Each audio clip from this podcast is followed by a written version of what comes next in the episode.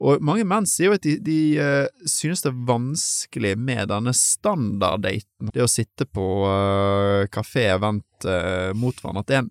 Og det er jo en veldig intens sosial situasjon. Møte en person du skal finne ut om du er seksuelt og romantisk interessert i denne personen.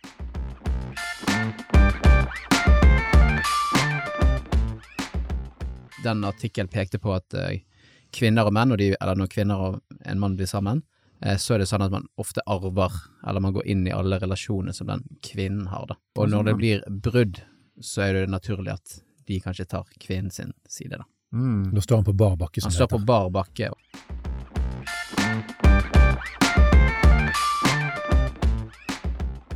Jeg syns jo det ofte virker at når menn snakker om sine damer, så er det damer som òg er, er dårlige til å ta imot hva menn vil. Kan møte det med mye motstand, da.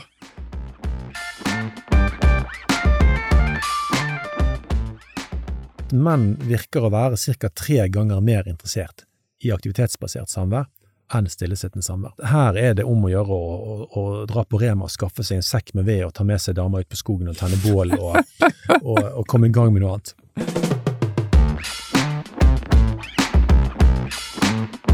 Du hører Mannspodden, jakten på mannsidentitet. Bli med Andreas Skjelde og Einar Helgaas på din vei mot autentisk maskulinitet.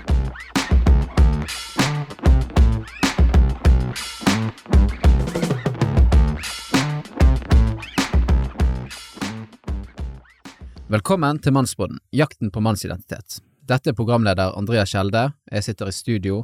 Nå er vi faktisk i Oslo, Einar. Ja, du, vi har forvillet oss over Langfjella. Det blir ikke bedre, det. Nok en gang. Ja, nok en gang. Vi begynner å dra ofte. Og med oss i studio så har vi med psykolog Marius Stavang. Velkommen. Hallo, og takk, takk. Takk for Gøy at dere har kommet Takk for tilbake sist. igjen. Ja, Takk for sist, ja. Takk for sist. Det er alltid, alltid kjekt å ha deg i studio, og det er jo gøy at vi møter bergensere her i Østlands hovedstad, da. Og det er veldig gøy at dere eh, kommer og hit til byen og ja, frisker ting litt opp. Ja, takk for det. Jeg tror ikke det er så mange østlendinger som er like fan av det. Men Nei. uansett, eh, Du så tuller med meg. Du tuller med meg. Ja, men det er jo sånn, det er jo sånn greie, det er jo sånn klisjé.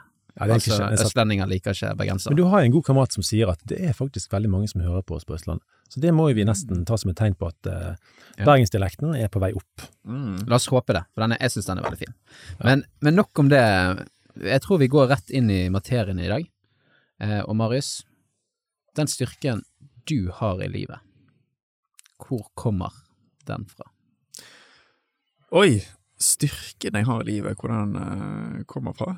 Um, Du har vært gjennom en livsreise. ja, ja. Eh, Du har vært gjennom en utdannelse. Ja. Uh, Og når du står i visse ting i livet, Mm. så er det et eller annet med, med, med altså, Hva har din reise vært? Har, har det vært en mentor? Har det vært uh, faglige ting? Hvordan har du jobbet med deg sjøl for å mm. måte, stå i visse ting?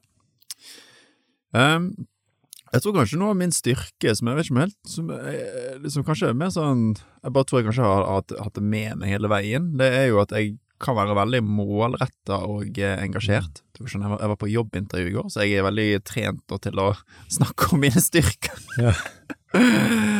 uh, nei, jeg, jeg kan jo være, være veldig målretta og engasjert av meg, og det, det, det kom nok til syne veldig tidlig. Jeg var, jeg var, jeg jeg var en av de som drev med sånn e-sport, eh, gaming på sånn høyt nivå. Eh, jeg, jeg var kanskje en av de tidligste som begynte med det.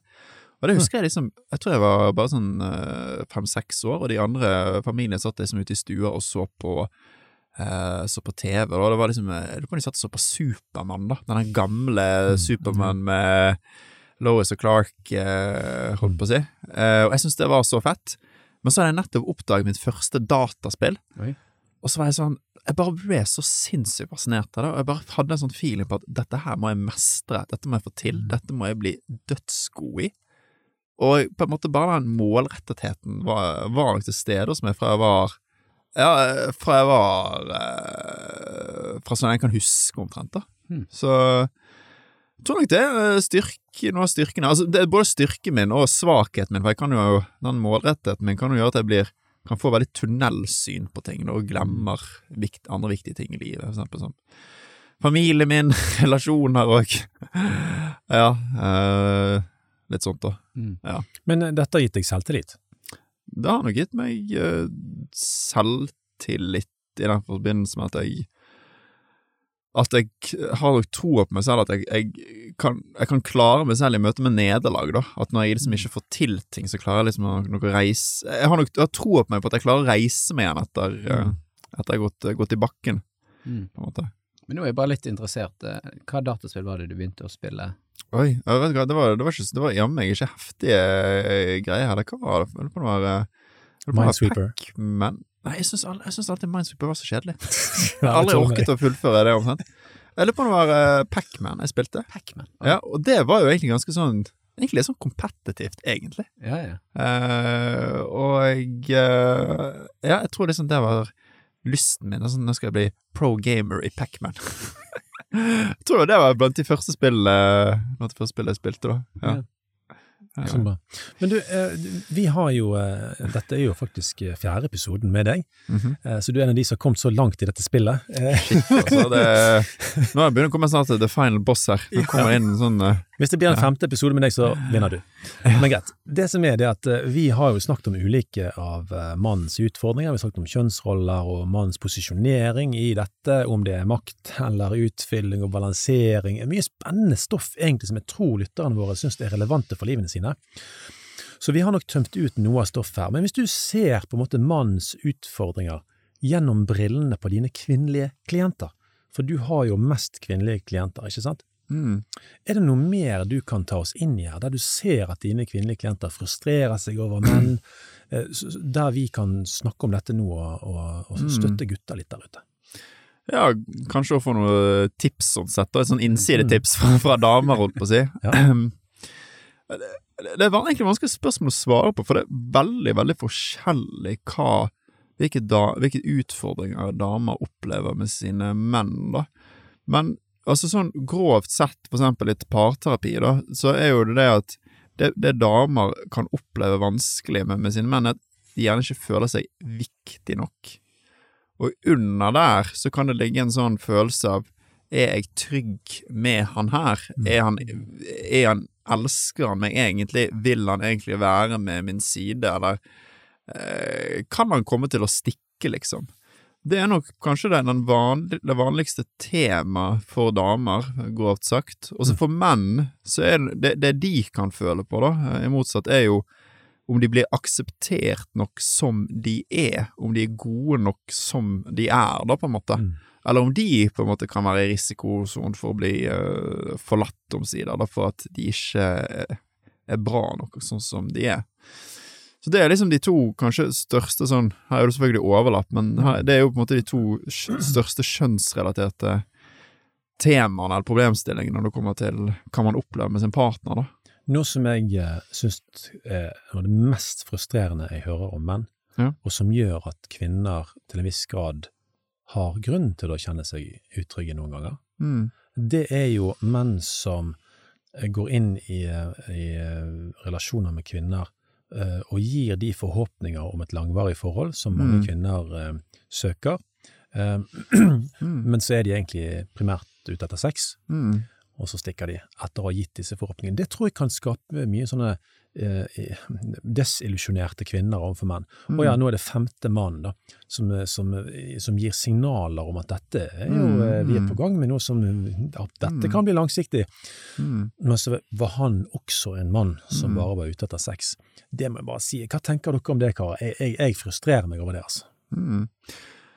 Mm. Ja, ikke sant? Og eh, det der eh, er jo Det er jo damer som opplever det der. Altså, det virker jo som at de, de, de I form av en serie av menn som gir inntrykk av at de er interessert i noe mer, for så å forsvinne.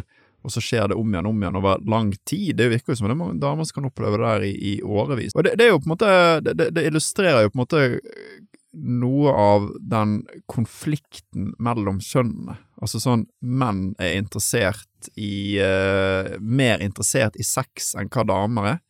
Og damer er jo eh, typisk mindre villig til å eh, ønske å ha sex med de mennene de ser, ser ut på byen eller på gata eller på Tinder eller hva det, hva det nå måtte være. Med mindre de òg vil ha et forhold, da. Så i og med det at menn vanskeligere kan få uforplikta sex, så er de da villige til å, å uh, seile under et flagg av at de er interessert i noe forpliktende for å, for å få dette her.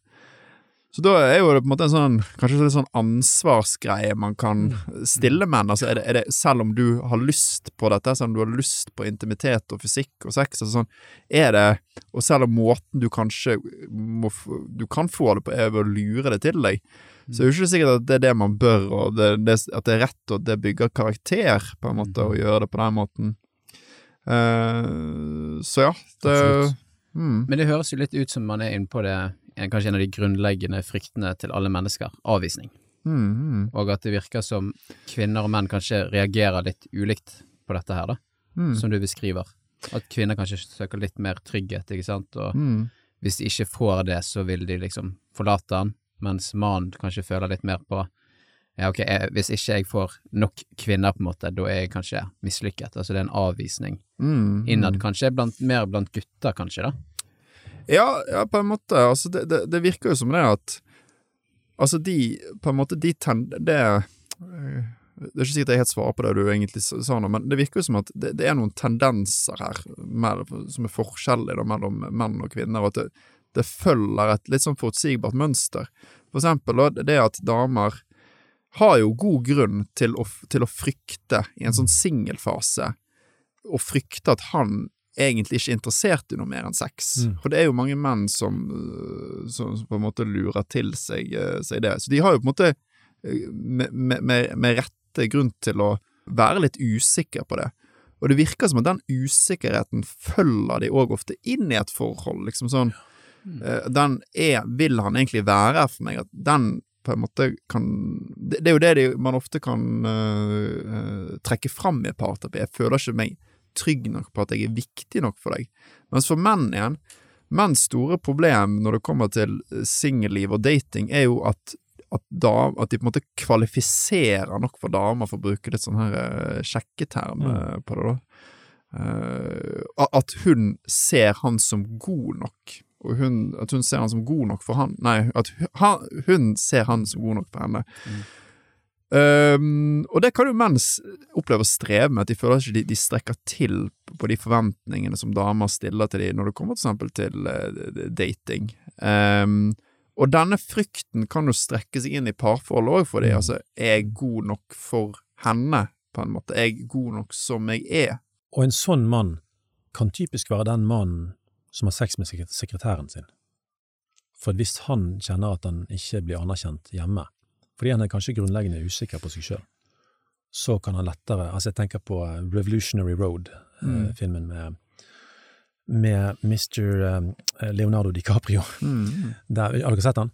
Nei. Jeg tror ikke jeg har sett den. Nei, altså han, øh, han var jo gift, og ting var greit nok, da, men, men han hadde en affære med kjæresten Nei, hva sier jeg?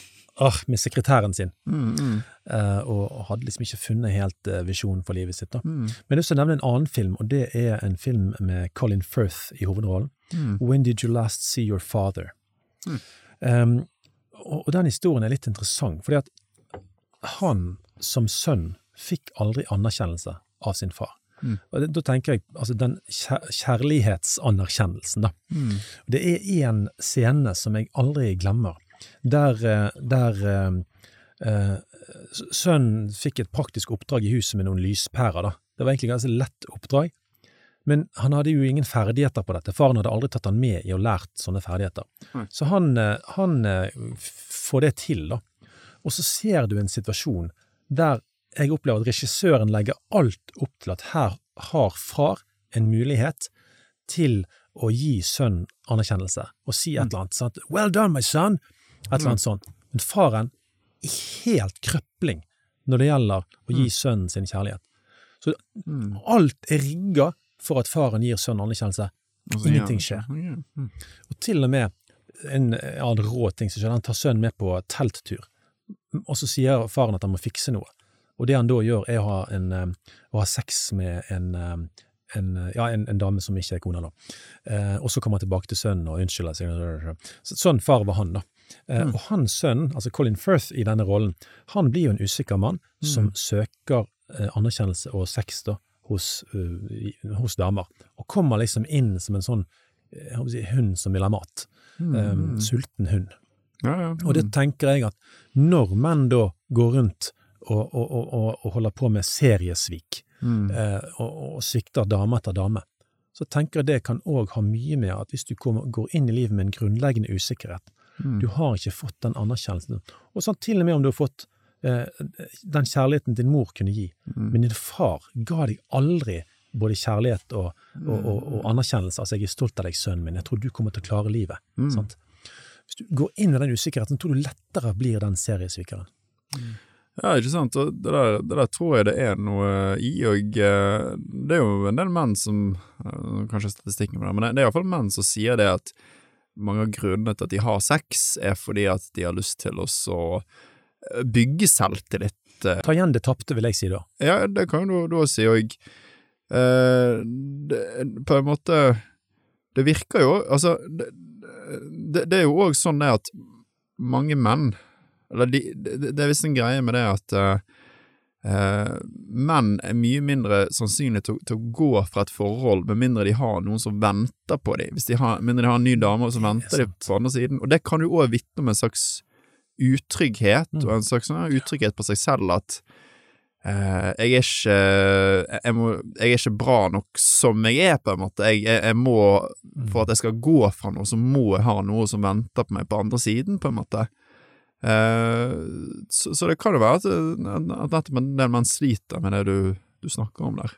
Da er vi tilbake til det vi snakket om i forrige episode. Altså det, det hele den der grunnpakken du får i oppveksten. Altså Ja. Det er jo grunnmuren du står på i livet, ved siden av at du har din egen biologi som du bærer med deg overalt. Så, så er det på en måte den, den, det byggearbeidet som familie og barneoppdragelse er. Mm. Det er det som er grunnlaget for hvordan du blir som voksen. Altså, når du, når du begynner på videregående og sånt, så er du jo sant, du er i stor grad blitt en voksen. Sant? Mm. Du begynner å ta autonome valg.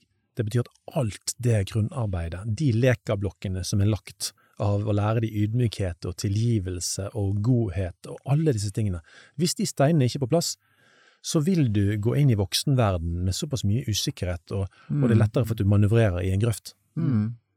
Ja, det, det, det, det tror jeg, og eh, man må jo Altså, når man, når man står i et parforhold, så er jo det alltid en sånn teoretisk risiko for at det kan ta slutt. De fleste parforhold tar jo i moderne samfunn og slutt. Eh, og det er jo veldig traumatisk eh, for folk, og for mange blir jo det viktig å liksom beskytte seg mot, mot det der, da, mot eh, et eventuelt brudd. Og, og da kan jo de nettopp gjøre sånne ting som å få opp egen selvtillit med å, å ja, ligge rundt, eller på en måte få bekreftelse, og så videre. Men jeg tror jo det er noe med liksom å kunne ha med seg en sånn trygghet i seg selv, da, som du gjerne bygger opp under eh, oppvekst, av at du trenger ikke eh, du trenger ikke ha en, en, en på siden for å bryte ut av et forhold, du trenger ikke ha sex ved, ved siden av eh, forholdet ditt for å føle deg uh, god nok som du er, liksom at mm. uh, det gir jo helt mening om, om det, det er på en måte en karakterstyrke man kan ha bygd utenom i, løpet av oppveksten, for eksempel. Ja, og jeg tror du jeg vil ta tak i Du toucher litt på dette med brudd, da. Ja. Eh, og det er vel 50 ish av eh, giftermål eller samboerskap som ender med at eh, man blir skilt, da. Eh, og der Det eh, er høyere for samboerskap enn en ekteskap, men jeg husker ikke Jeg husker ikke tallet, men det ligger iallfall i la oss si 50 Og der leste jeg òg en eh, artikkel, jeg tror det var Psykologisk tidsskrift eller noe sånt, da, Ja. eh, som beskrev at de som blir den lidende part, er ofte mannen. Ja. Når det kommer både til faktisk venner, da, eller relasjoner. Mm. Eh, for det, den artikkelen pekte på at eh, kvinner og menn, og de, eller når kvinner og en mann blir sammen, eh, så er det sånn at man ofte arver, eller man går inn i alle relasjoner som den kvinnen har, da. Mm. Mm. Mm. Eh, og når det blir brudd, så er det naturlig at de kanskje tar kvinnen sin side, da. Mm. Da står han på bar bakke, som Han det står på heter. bar bakke, og det Jeg har eh, snakket med ja, folk som har gått gjennom brudd som er 40, 42, Mm. 43, eh, og de sier liksom at de har ingen.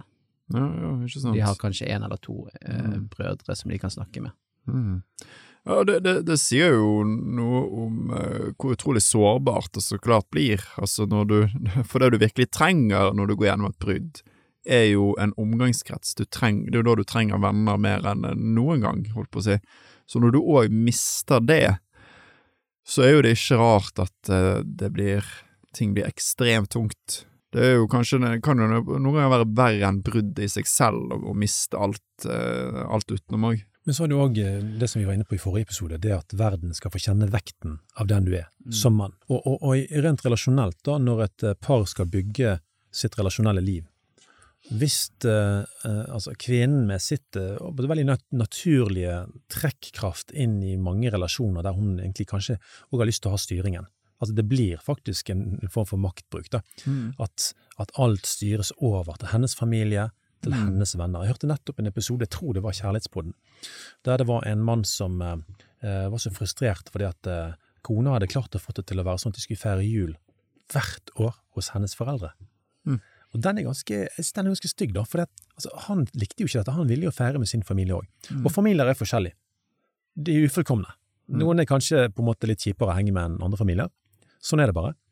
Men, men eh, når du skal, altså her tenker jeg at han kunne jo kanskje brukt noe mer av sin vekt på å si at men du, altså her må vi ha en form for likeverd. Altså det, min familie betyr noe, den òg. Mm. Og da kunne han satt foten ned og sagt det, beklager, jeg, jeg, det kan jeg faktisk ikke gå med på.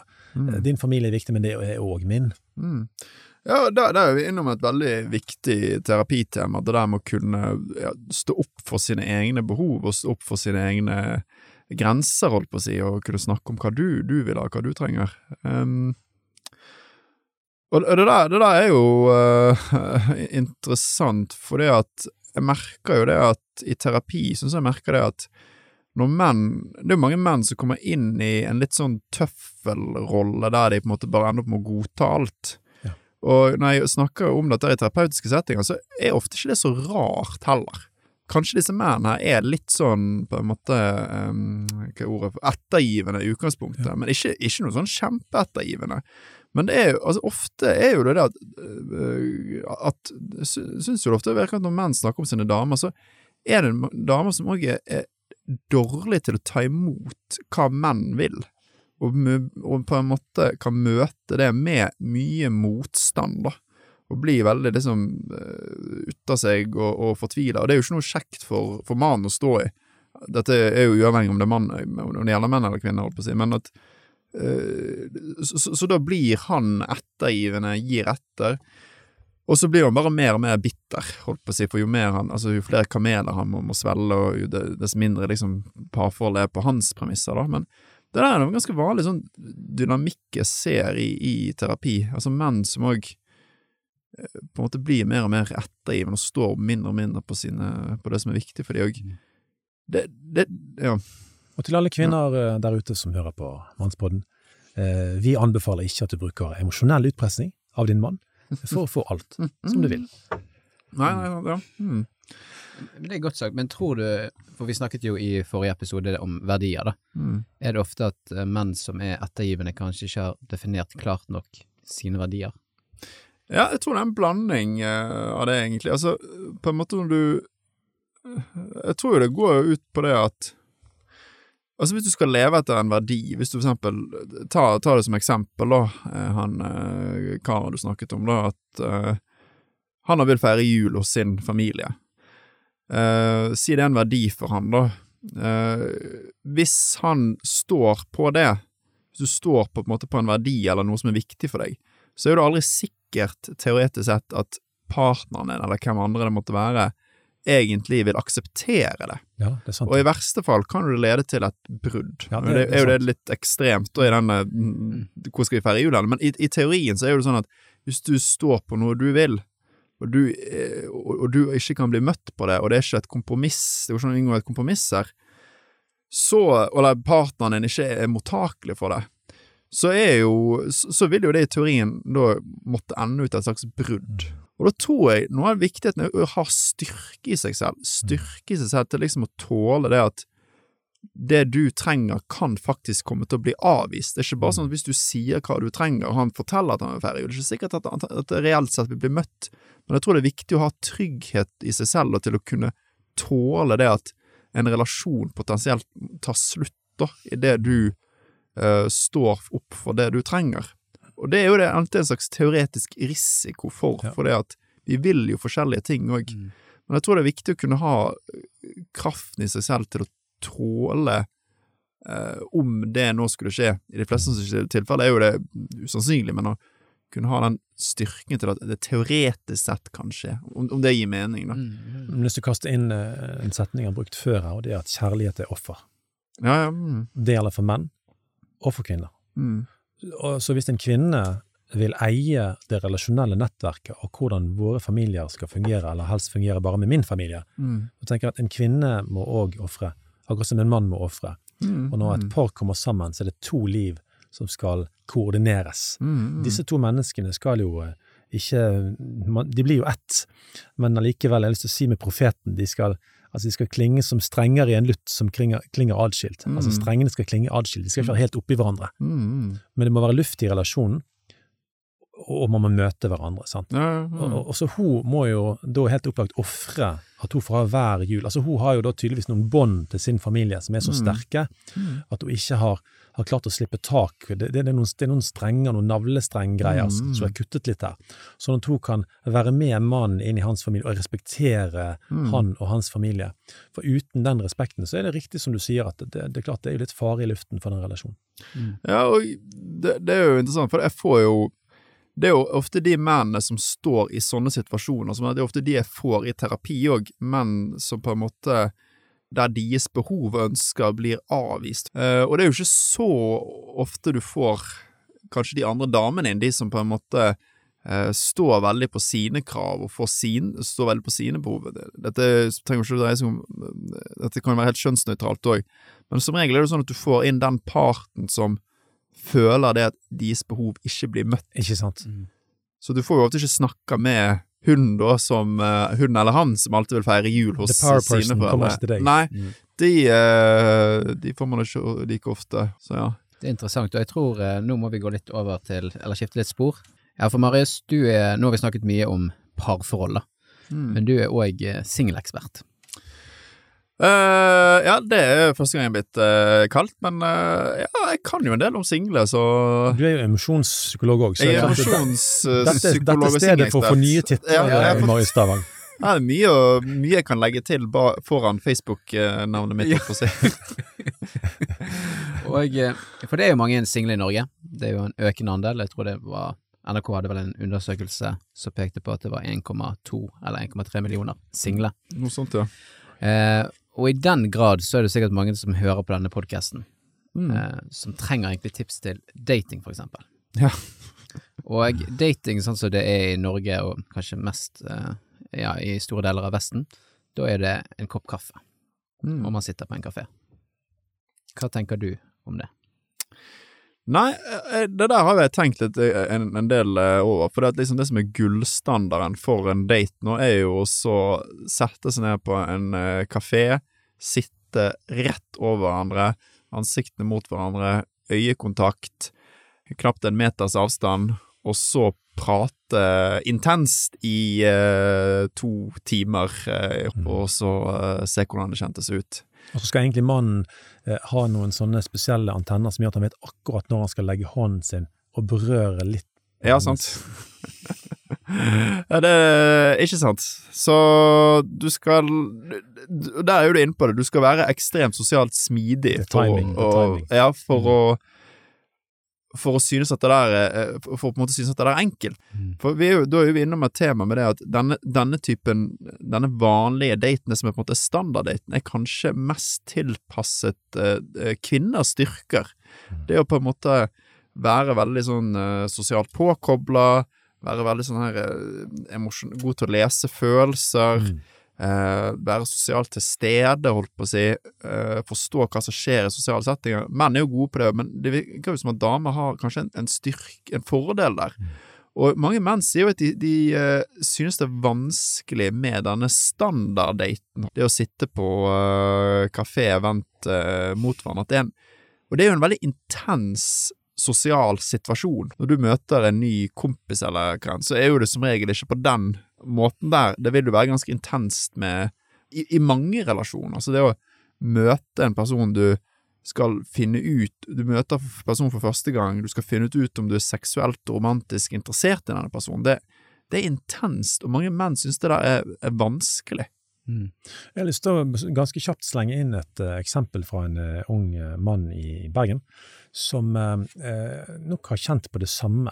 Han her er en veldig aktiv dude. Og han ja, var ikke helt klar for denne kafédaten som du nå snakker om som gullstandarden. Så hva gjorde han?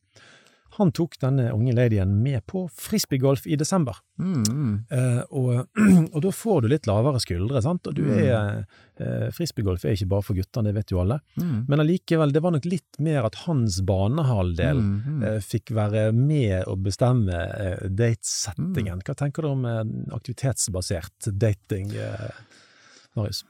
Jeg tenker det er eh, kjempebra, og sånn som den undersøkelsen dere gjorde nettopp viste, så, virker det som at det er en sosial situasjon som eh, menn eh, foretrekker over det å kun sitte og være sosial. Det å ha en, det å på en måte ha en aktivitet man kan strukturere det å være sosial rundt, eller være på date rundt, da. Det virker som at det kanskje gir menn en liksom, gjør kanskje menn mer avslappa. Eh, det, det, det er en situasjon de kanskje kan skinne mer i. Eh, Mm, godt sagt. det kan, det kan være litt mer stille, på en måte. Du trenger ikke liksom være sånn ikke, det, det er noe med den kaffedaten der du må være, du må være så enormt påkobla.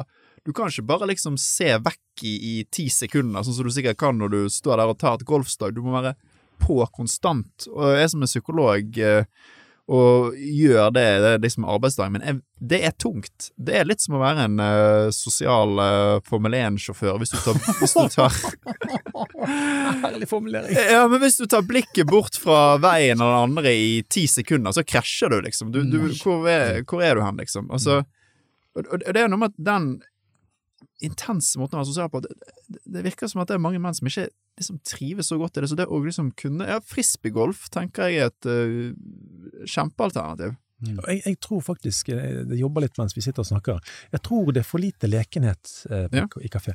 Og tror mannens lekne, aktivitetsorienterte natur Min kone har jo lest det i sine studier at eh, menn lever ofte gjennom kroppen sin. Ja, sånn er Og det. da, da snakker vi om det fysiske, altså. Altså Mm. Menn lever gjennom kroppen. Mm. Og når du da får, for får litt sånn lave skuldre, og det er litt sånn breaks der, sant, og det, er alt er ikke denne der utrolig intense kaféstemningen, så tror jeg det er at da får du manns, manns testofylte lekenhet, får faktisk lov til å være med. Og det man òg kan gjøre, er jo at man, hvis man har, eh, er litt sånn eh, smoothie her, holdt jeg på å si, eller man- skal ikke være en drikk, men altså, hvis man da har frisbeegolf først, og så på kafé, går på kafé, så har du òg, altså, kall det forspill, da, nærmest. Altså det, Et sosialt sosialt forspill da, Ja. til, til kafédaten, Mm. eh, der du da har eh, skapt eh, trygghet i, i en ramme som, som passer Mm. begge greit, men som gir mannen en fordel som han, han gjerne kan trenge. da. Ja, og det der kan man òg diskutere. Skal man ha skal man velge en sosial situasjon som passer mannen bedre enn hva det gjør dama? For hennes styrke er jo kanskje på, mer på kafeen enn på uh, fisketuren, eller uh, hva det enn måtte være. Eh, for damer er jo, er jo kanskje bedre på det med den typen sosial kontakt, men eh, dette mm, kan være i og med at hun, altså i og med at han har større sjanse for å falle for henne i utgangspunktet enn hun har for å falle for han, Mm. så trenger han kanskje en situasjon han mer kan skinne i eh, den første eller de første gangene. Tenk på det, du. Ja, og at det vil være, det vil være, kunne være en vinn-vinn-situasjon, for at hun har jo lyst til å falle for han, og han, akkurat som at han har lyst til, at, uh, til å falle for henne, så det kan være en vinn-vinn-situasjon at han får lov til å uh, får lov til å skinne i i en situasjon som har, der han har en fordel. Mm. Den som trenger mest trygghet, faktisk. Det er den som trenger mest, uh, den som trenger mest trygghet, og kanskje trenger mest drahjelp, fordi at det er mindre sjanse for at hun vil synes at han er interessant, enn at han vil synes at hun er interessant tilbake. Men eh, nå bare hiver det ut. Altså, nå ser vi i vår tid så er det mange single. Ja. Tidligere så var ikke det like mange single. Kan det komme av at man før var mer Altså gutter var mer aktivitetsbasert når man var på date, kontra det å være på kafé? For kafé er jo litt sånn nymoderne ting som har kommet Mm. i løpet av 2000-tallet med Starbucks og Mm. Disse her eh, andre kjedene. Altså, nå må du huske at uh, nå er jeg tilbake igjen eh, på 1930-tallet her. Altså, uh, det er jo alltid litt morsomt oppi hodet når man, når man går litt tilbake i tid. Back to the future. Men uh, tenk deg bygdedans, da. Seriøst. Altså, der du Damene står på rekke langs veggen, og så går gutta der og skal velge de ut. Det er jo egentlig en helt syk setting når du tenker det inn i ja, Dette var jo vanlig, sant, og så er det noen som havner i høy, og noen, noen eh, møtes kanskje bare når de passerer hverandre på en gård, og så snakker de med hverandre, og så plutselig så er de eh, ja, altså, altså, date er jo et nytt fenomen. Sant? Altså, Det- det, det er kommer fra USA, Mm. det er et nytt fenomen. Tidligere så møttes man eh, mye mer sånn organisk, Mm. eh, sant? Og, og, og- festen eh, er jo viktig fortsatt. Eh, Mm. eh, i, og, skjønner du meg?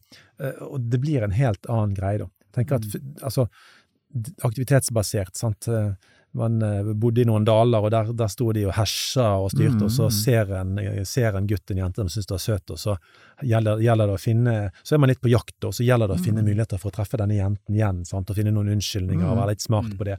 Så man måtte jo være smart tidligere òg, det er ikke bare den der Mm. the game-stemningen med ulike triks som du skal nei. bruke. sant? Nei, nei, men, men der er jo man på en måte en aktivitet. Altså man er på en gård, man har på en måte Man Mm. gjør noe sammen, da. Det er jo noe Mm. mer fysisk over det. Ja da.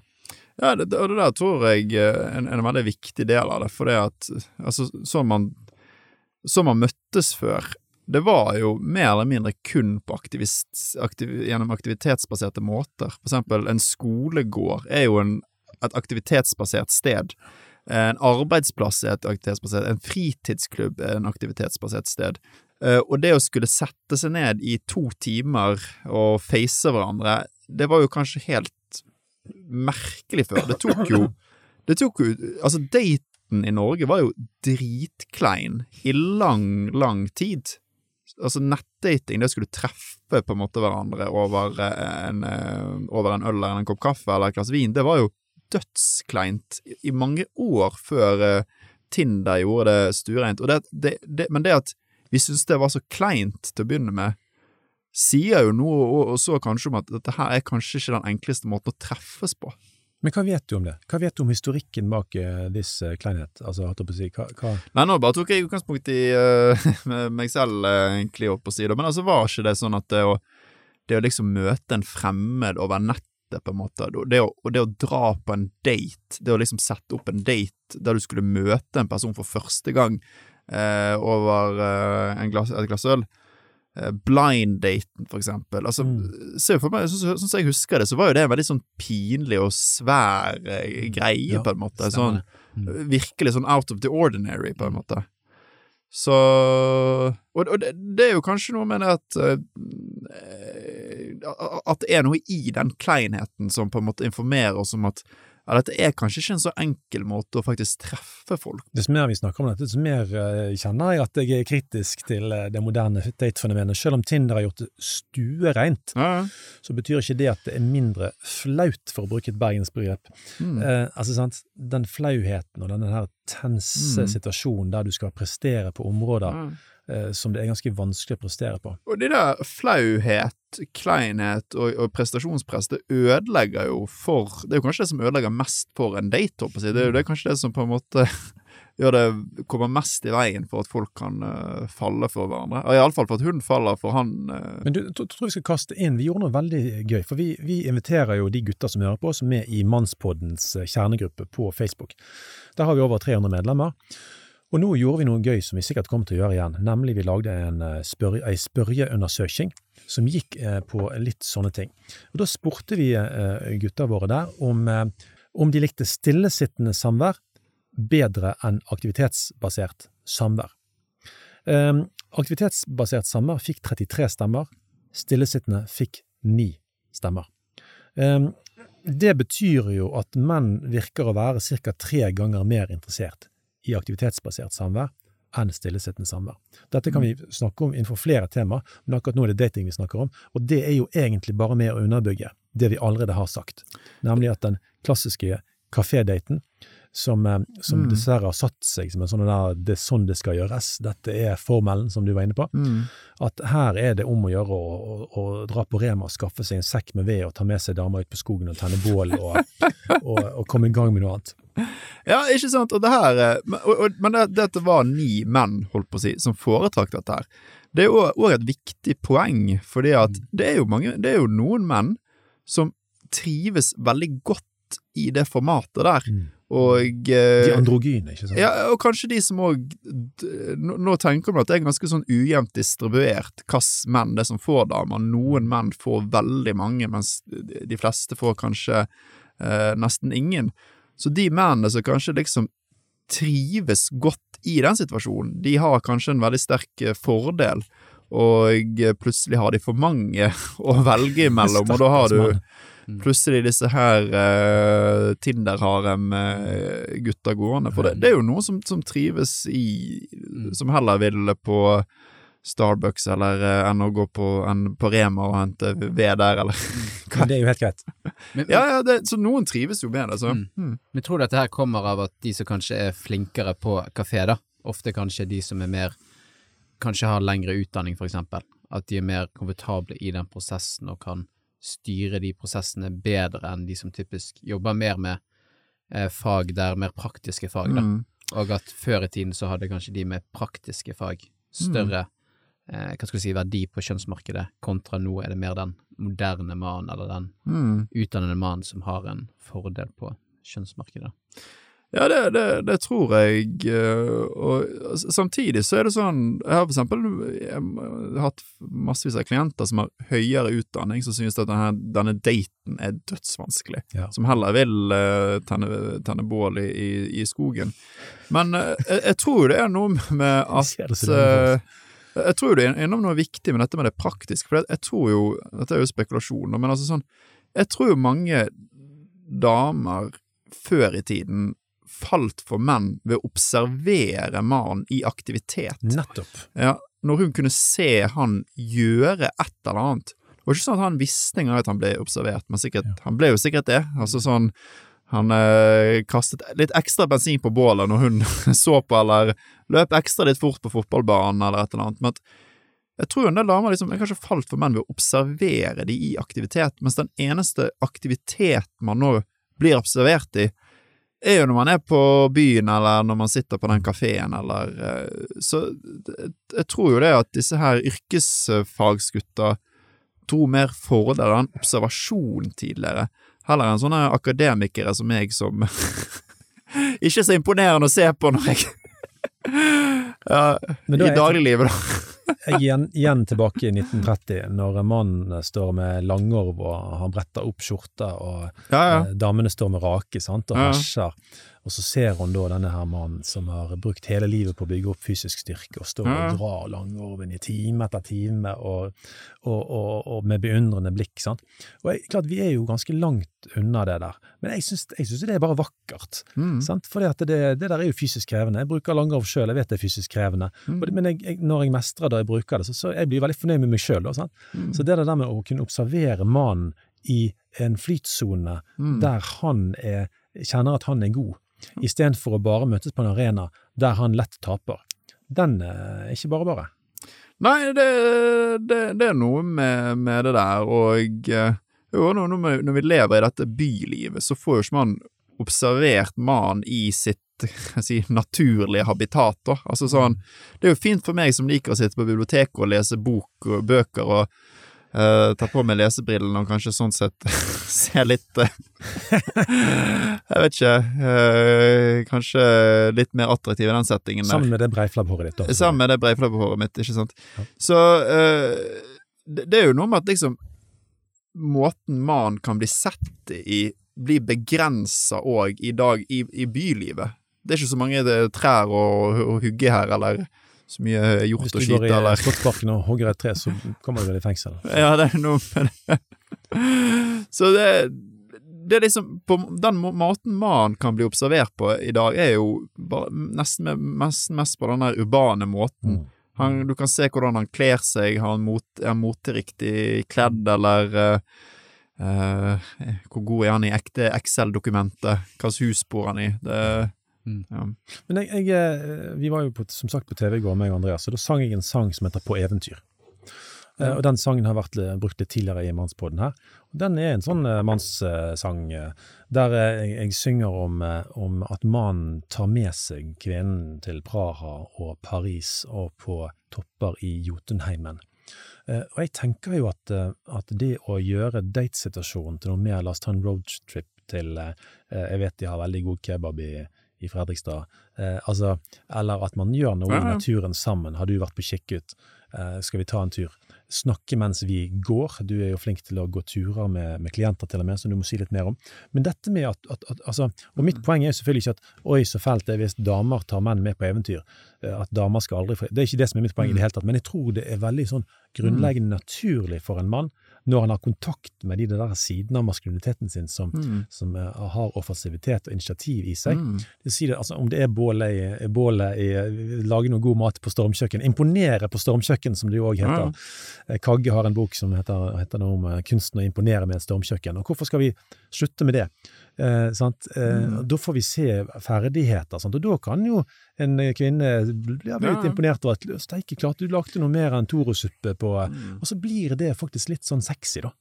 Ja, jeg tror jo, altså for menn der ute som har lyst på en, en kjæreste, så tror jeg det, det der, der Der har jo menn selv et forbedringspotensial. At her er jo det rom for å være kreativ, for liksom å, å kunne vise frem på flere måter, forskjellige måter. Og, og nettopp litt ta tak i det der du, du er innpå nå, da, og kunne sette seg ned og tenke litt ut hva slags aktiviteter er det jeg kan vise eh, mine beste sider fra, holdt på å si. Der, der tror jeg mange menn har mye de kan gå på, og et forbedringspotensial, eh, holdt på å si. Også Bør kanskje ta litt ansvar der. Ikke sant? Og så må ikke vi undervurdere det som er jo Altså, men hallo, jeg prøver ikke å mene at jeg sier noe nytt her, men, men jenter liker jo òg å være ute og kose seg og ha det gøy. Altså, sånn, og det, det, det og nettopp om det er frisbeegolf eller en tur i skogen altså, Mm. Noen liker kanskje ikke det i det hele tatt, men jeg tror mange liker det. Ja, ja. Sånn at jeg, jeg tror ikke det er sånn at eh, det der er bare menn, det, det er ikke bare menns banehalvdel. Eh, det å gjøre noe kjekt sammen, som det er noen deilige Instagram-bilder til og med for de som er opptatt av det. Eh, al- altså sant, Det var liksom noe annet enn bare eh, Mm. en kafé, liksom. Ja, ikke sant. Altså, jenter og gutter liker jo sikkert like godt uh, å være i aktivitet, men det er noe med at mannen klarer kanskje å vise seg litt bedre fram da, enn han klarer over uh, kaffen på Grünerløkka. Men det er mye god kaffe på Grünerløkka. Jeg, jeg, jeg er så utrolig billig på kaffe, altså. Jeg, jeg drikker Min favorittkaffe er 7-Eleven sin. eh. Jeg var en kompis eh, av meg, han skulle, vi var på Vi var nede ved Deichman-biblioteket omtrent, og så skulle vi, ville jeg bare ha en kaffe. Og så dro han meg helt opp på Grünerløkka på at jeg fikk liksom bare eh, en desiliter sånn her eh, super-hipster-kaffe. Jeg hadde jo bare lyst på en, eh, en 7-Eleven. eh. og den desiliteren koster jo selvfølgelig 100 kroner, eller hva det var. oh. Not worth it for meg. Nei. Oi, oi, oi. Nei, men jeg, jeg er litt sånn eh, billig på kaffen. Men det, det er fint, det. Det her får du høre mer om i en kaffepod, kanskje. Ja, vi har jo sagt det at den kommer. Den kommer, jo. Men jeg tror jeg har lyst til å gå inn på litt òg, Marius. Det var jo litt som Einar nevnte. Når det kommer til terapi, Mm. eh, så har jo du sagt at eh, de fleste klientene dine er jo kvinner. Mm. Men så har du gjort noen eh, tiltak for å prøve å få med flere menn i terapi. Kan du fortelle litt mer om Ja. Eh, vi- som eh, selskap, vi har jo òg introdusert dette her eh, vandreterapikonseptet, der vi inviterer da menn ut og på en måte å, gå en tur i en park, da, en av Oslos parker, mens vi snakker om et terapeutisk tema. Dette er et gratis eh, tilbud. Og vi tilbyr da to samtaler over det. Eh, og så kan man fortsette etter det hvis man, eh, hvis man vil. Eh, men det er et tilbud vi har sånn spesifikt ut mot eh, menn. da. Jeg tror, ikke, jeg, tror ikke det er så, jeg tror ikke det er så lenge til før vi kjører det igjen. Vi pleier å kjøre det hvert, eh, hvert år. da. Og da er jo det nettopp dette her med å, å spasere samtidig som man har eh, terapi. En dynamisk samværsform. Ja. Og jeg kunne gjerne tenkt meg å gjort det enda mer dynamisk. Liksom Det hadde vært gøy kanskje å eh, aktivisere det enda mer, enten det å Raftingterapi. Ja, raftingterapi. Kanskje litt voldsomt. Det er kanskje litt vanskelig å snakke når man er opp og ned eh, under ja. Du har det vanskelig, ja. Og du, du faller ned fossefall, og du bare roper 'Det handler om pappa'. det handler om pappa i Det fallet. handler om pappa. Pappaen. Nei, men Det hadde vært gøy kanskje bare ta en basketball og kaste, Mm. noen, uh, kaste noen baller da, mens Mm. man uh, på kurven mens man prater om ting. Altså, Jeg kan jo merke det at det er definitivt den måten jeg liker personlig best snakke om ting. Jeg kan ikke, altså jeg kan ikke fordra å bare sitte og snakke. Jeg må nesten ha noe å gjøre ved siden av. Enten det er å ta oppvasken, lage mat, eller eh, slå noen tennisslag. Jeg syns det, jeg, jeg, jeg synes det er slitsomt å kun sitte og prate.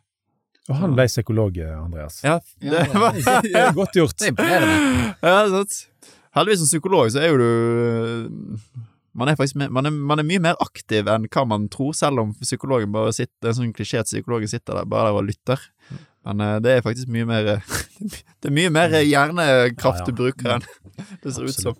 Men eh, dette tilbudet dere har, eh, ser dere effekt av det? Er det mange menn som hiver seg på? Det er veldig, veldig populært. Det blir nesten fullbooka med, med en gang. Uh, og det er jo vanskelig å vite om det er noe effekt av det, men vi håper jo det er en slags sånn å gi menn noen erfaringer med å kunne Hvordan man kan snakke om ting, og liksom eh, så noen frø, da, knytta til hvilke ting som kan være viktig for menn å, å, å se videre på. Eh, og inspirere andre og kanskje til å liksom åpne opp for et sånt tiltak. Vi har jo invitert andre psykologkontorer også med på dette. her så, det ja. Mm. Men uh, en, uh, hva sier de gutta som har opplevd dette? Altså Sier de 'oi, det, jeg er så glad for at vi gikk en tur istedenfor å sitte inne'? Altså, Hvis ikke de sier det, så er jo dette sikkert helt mislykka. Ja, øh, de, de sier ikke De sier ikke det, så Kanskje vi skal definere det som mislykka. Nei, øhm, mange av de som kommer, har jo ikke hatt terapi før. Så de har jo ikke noe, sånn sett, noe sammenliggende med Og det, det er det vi syns er fint, at de, det er førstegangserfaringer med øh, terapi. Og det er veldig, veldig forskjellig. Altså, to timer terapisammenheng er er jo ganske lite. Eh, for noen så eh, er det nok litt sånn eh, Hva skal jeg si de, de, de hadde kanskje trengt litt mer før de hadde kommet Før de klarte å merke liksom nytten av dette her. Og for noen er det sånn de syns dette var kjempefint, og de vil gjerne fortsette, eller de føler at dette ga de et utgangspunkt for å utforske ting videre, da. Så det, det er jo veldig forskjellig, eh, håper jeg å si, men eh, vi synes jo det virker som at mange har nytte av dette her. Mm. Mm. Vi får veldig mye positive tilbakemeldinger på dette, iallfall. Men hvordan, kan man spørre, hvordan kan det skje gratis? Er Betaler Oslo kommune, liksom? Nei, det blir sånn pro bono-arbeid eh, fra, fra vår side, da. At vi gjør det, vi gjør det frivillig. Å ja. Ja. Så vi, har ikke, vi får ikke dette finansiert på noen måte. Så snille dere er. Ja, det kan du si. Det er min personlige mening. Ja, ja. Mm. Ja, vi, ja, du kan jo si det. Samtidig så tenker jo det Altså sånn Vi har jo en statsfinansiert utdanning som er sinnssykt dyr, eh, rett og slett. Så det er jo Vi har jo òg et slags samfunnsansvar å kunne gi tilbake når eh, samfunnet tross alt har investert så mye Så mye i kompetansen vår, kan du da si. Så, og det er jo himla dyrt å gå til eh, å gå i terapi privat, så ja. Mm. Syns jo vi har et ansvar for å gjøre dette her. Er ansvar. Fantastisk. Det ansvar er fint. Ansvar, det er fint ja. å høre det bli Fint mannsord. Ja, det er det. og igjen, eh, tusen takk, eh, Marius, for at du har vært med oss. Det har vært en veldig spenstig og fin samtale. Vi, vi fortsetter faktisk med Marius eh, i neste episode. Vi gjør det. Og hvis du likte det du hørte, så del Mannspodden med fem menn, og Marius Garanti med fem kvinner òg. Eh, bli med i Facebook-gruppen vår som heter Mannspodden. Ja, det syder mer liv der enn noen gang. Ja, det blir, det blir veldig mye liv der. Og følg oss gjerne på Instagram, der heter vi òg Mannspodden. I tillegg har vi Apple Podcaster som vanlig. Der kan du skrive en liten, koselig kommentar til oss hvis du liker dette her, da. Og så kan du gi oss noen stjerner. Så da, eh, altså, jeg har jo vært syv måneder med familien min på Hawaii. Det er jo ikke alle nordmenn som har opplevd det eksotiske øyriket. Syv måneder? Ja, syv måneder. Vi får snakke om det i pausen, Marius, men iallfall for meg er det betimelig nice at vi nå takker for oss på hawaiisk. Aloha! Hvem skal fri ut av tårnet? Hvem skal stormen slå? Mens du venter på neste episode, del gjerne Mannsbåten med fem andre menn, så de kan koble seg på jakten på mannsidentitet i en kjønnsnøytral tid. Hvis du ønsker å lære enda mer om denne tematikken, følg Mannspodden på sosiale medier. Vi snakkes.